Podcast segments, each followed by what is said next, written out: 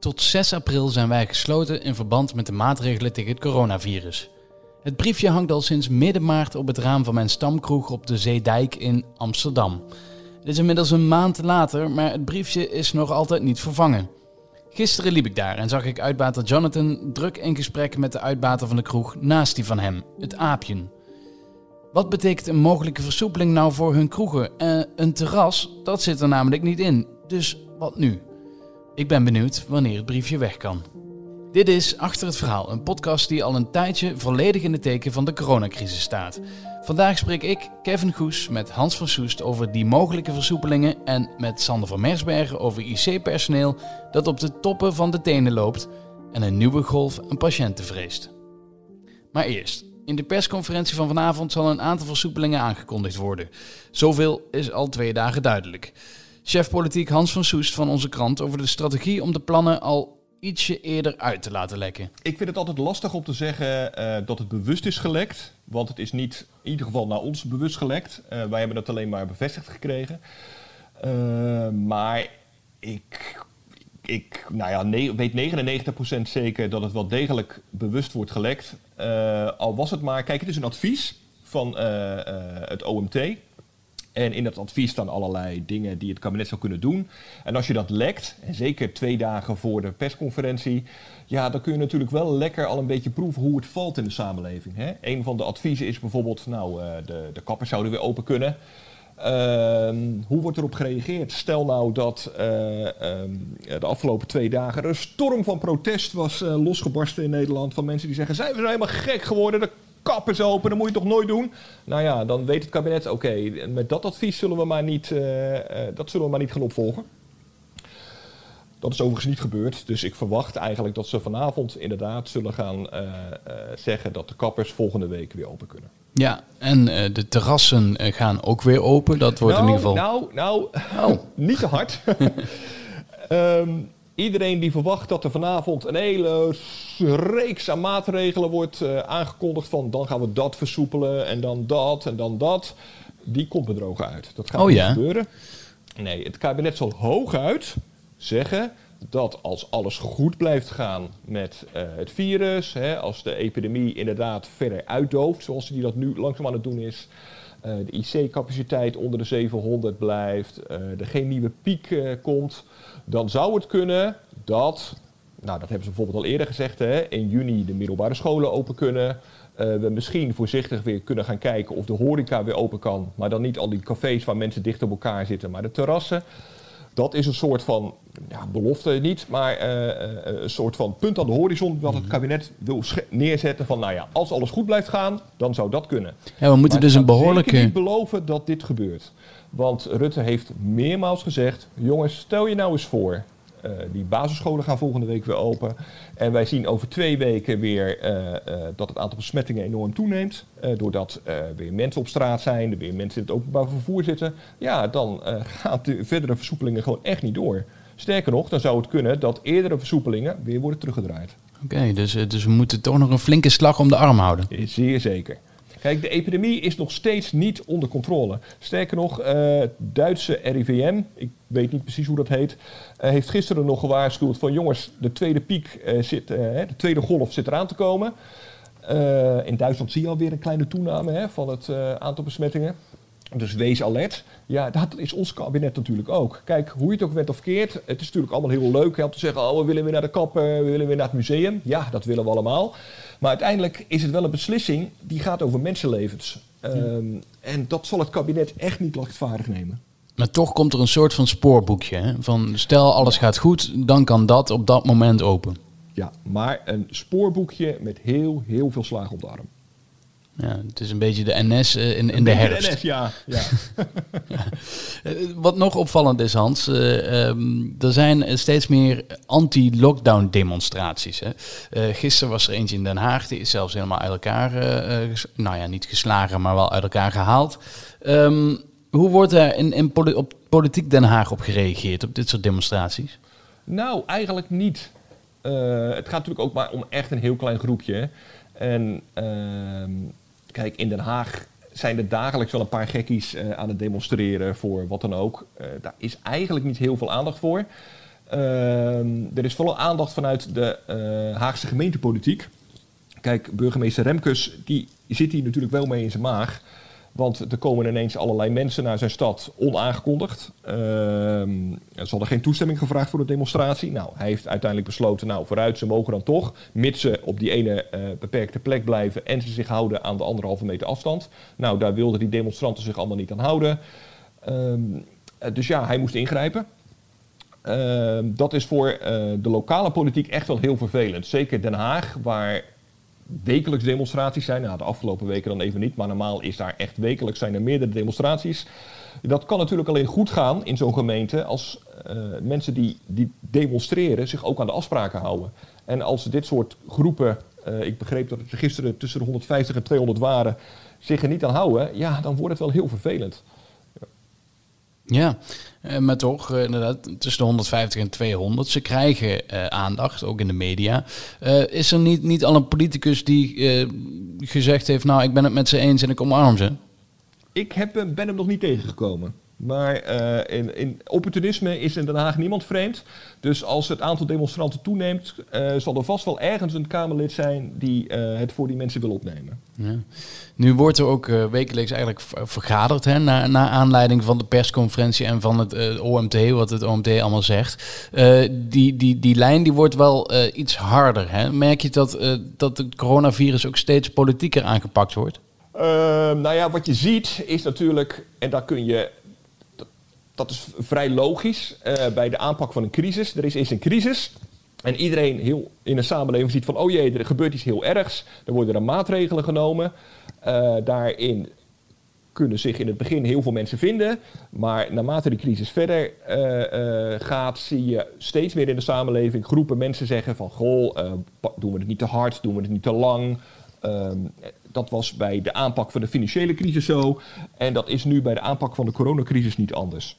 Dus je zag heel erg toen het kabinet in maart uh, met zijn maatregelen kwam, dat er heel veel begrip voor was. Maar naarmate die langer duurde, begonnen mensen uh, een beetje ja, steeds meer te piepen. En dat is ook wel logisch, want ja, je zal maar ondernemer zijn, uh, café-eigenaar, de eigenaar van een pretpark, een kapper, noem maar op, die nu ineens gewoon verstoken is van inkomsten. En dan is er wel een, een, een, een steunpakket van het kabinet afgesproken om die mensen te helpen. Maar ja, uh, dat dekt niet alle kosten. Dus ja, het is wel logisch dat die mensen zeggen van hallo, uh, leuk dat we allemaal kijken naar de gezondheidszorg. Dat is natuurlijk heel belangrijk. Maar dadelijk staan er ook tienduizenden mensen op straat. Dat is ook belangrijk. En een kabinet moet altijd keuzes maken in ja, meerdere belangen. En die zal het kabinet proberen te dienen. En dat is ook de reden waarom het kabinet eigenlijk al iets eerder dan het wilde vanavond ehm, wat versoepelingen wil beloven. Ja, Hans van Soes die had het uh, net al een klein beetje over uh, de IC's die wat minder vol liggen, uh, maar ja, waar natuurlijk ook nog kan gebeuren dat ze toch weer volstromen. Daar heb ik nu contact over met verslaggever Sander van Meersbergen, want het aantal zieken op de IC's dat neemt af. mogen we daar een beetje om juichen of is dat toch een pas op de plaats nodig?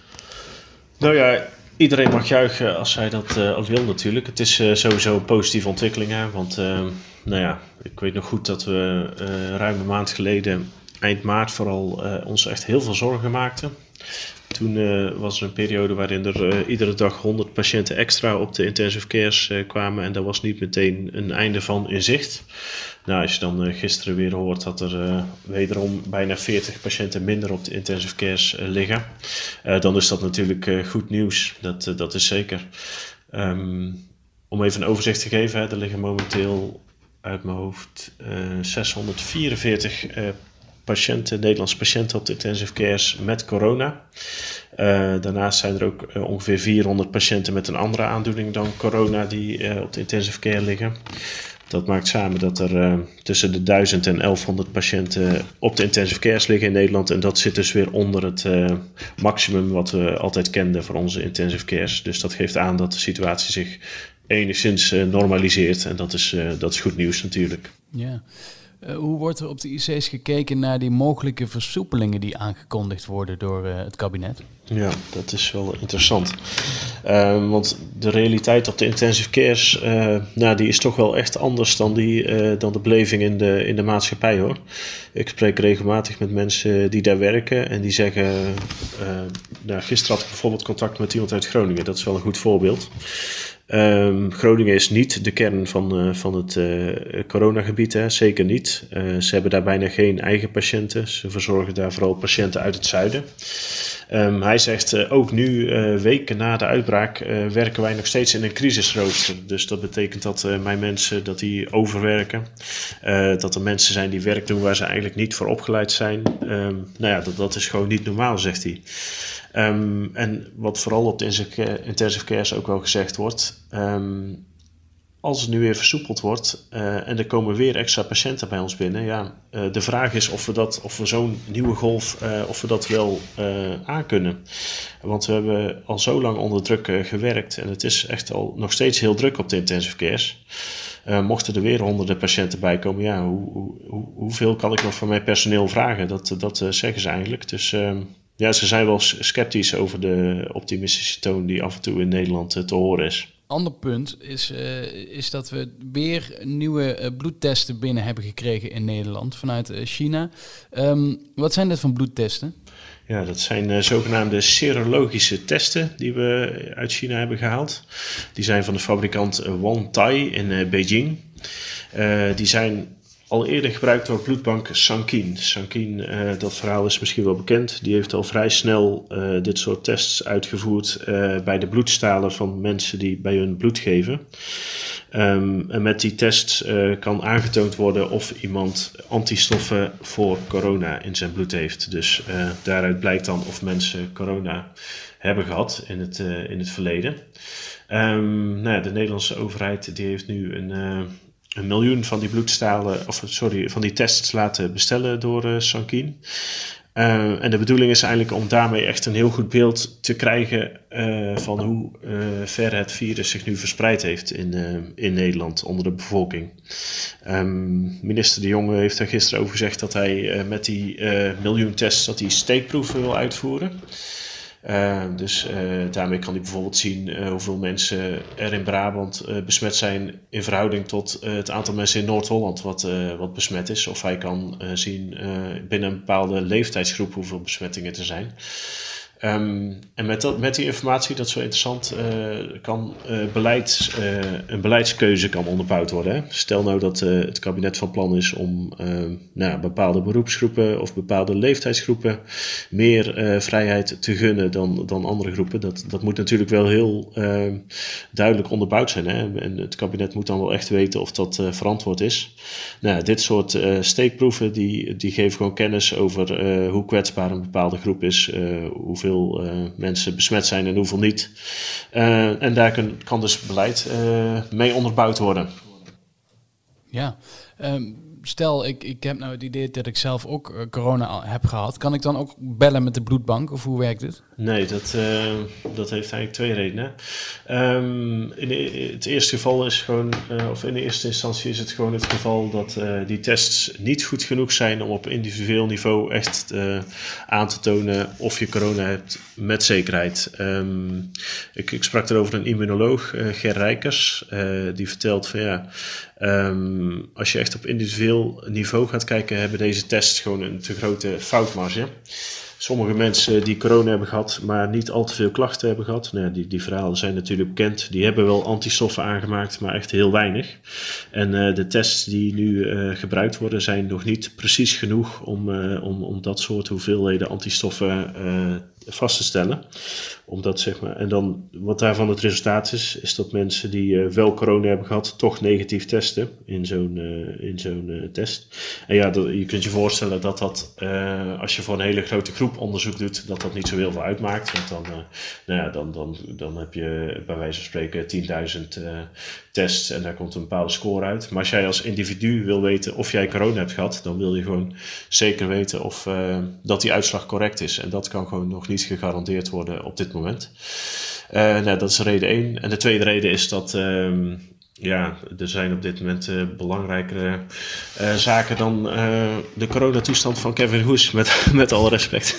dus uh, Sankien zal daar samen met de overheid toch andere keuzes in maken, gok ik zo. En in eerste instantie is het denk ik veel relevanter of bijvoorbeeld het zorgpersoneel, nou ja, of, of dat daar een goed beeld van ontstaat. En ouderen, hoe is het met onze ouderen, dat soort dingen zullen onderzocht gaan worden. Dus dat, dat zal nog even duren.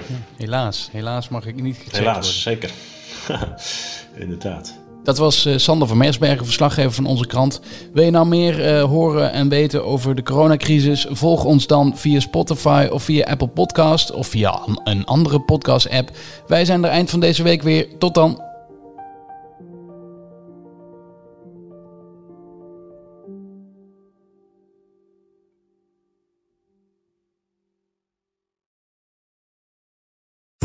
We worden dagelijks overladen met overbodige informatie. En het is moeilijk de zin van de onzin te scheiden. Daarom vertrouw ik op echte journalisten in plaats van meningen. Een krantenmens heeft het gemakkelijk. Word ook een krantenmens en lees je favoriete krant nu tot al zes weken gratis. Ga snel naar krant.nl. Bezorging stopt automatisch en op deze actie zijn actievoorwaarden van toepassing.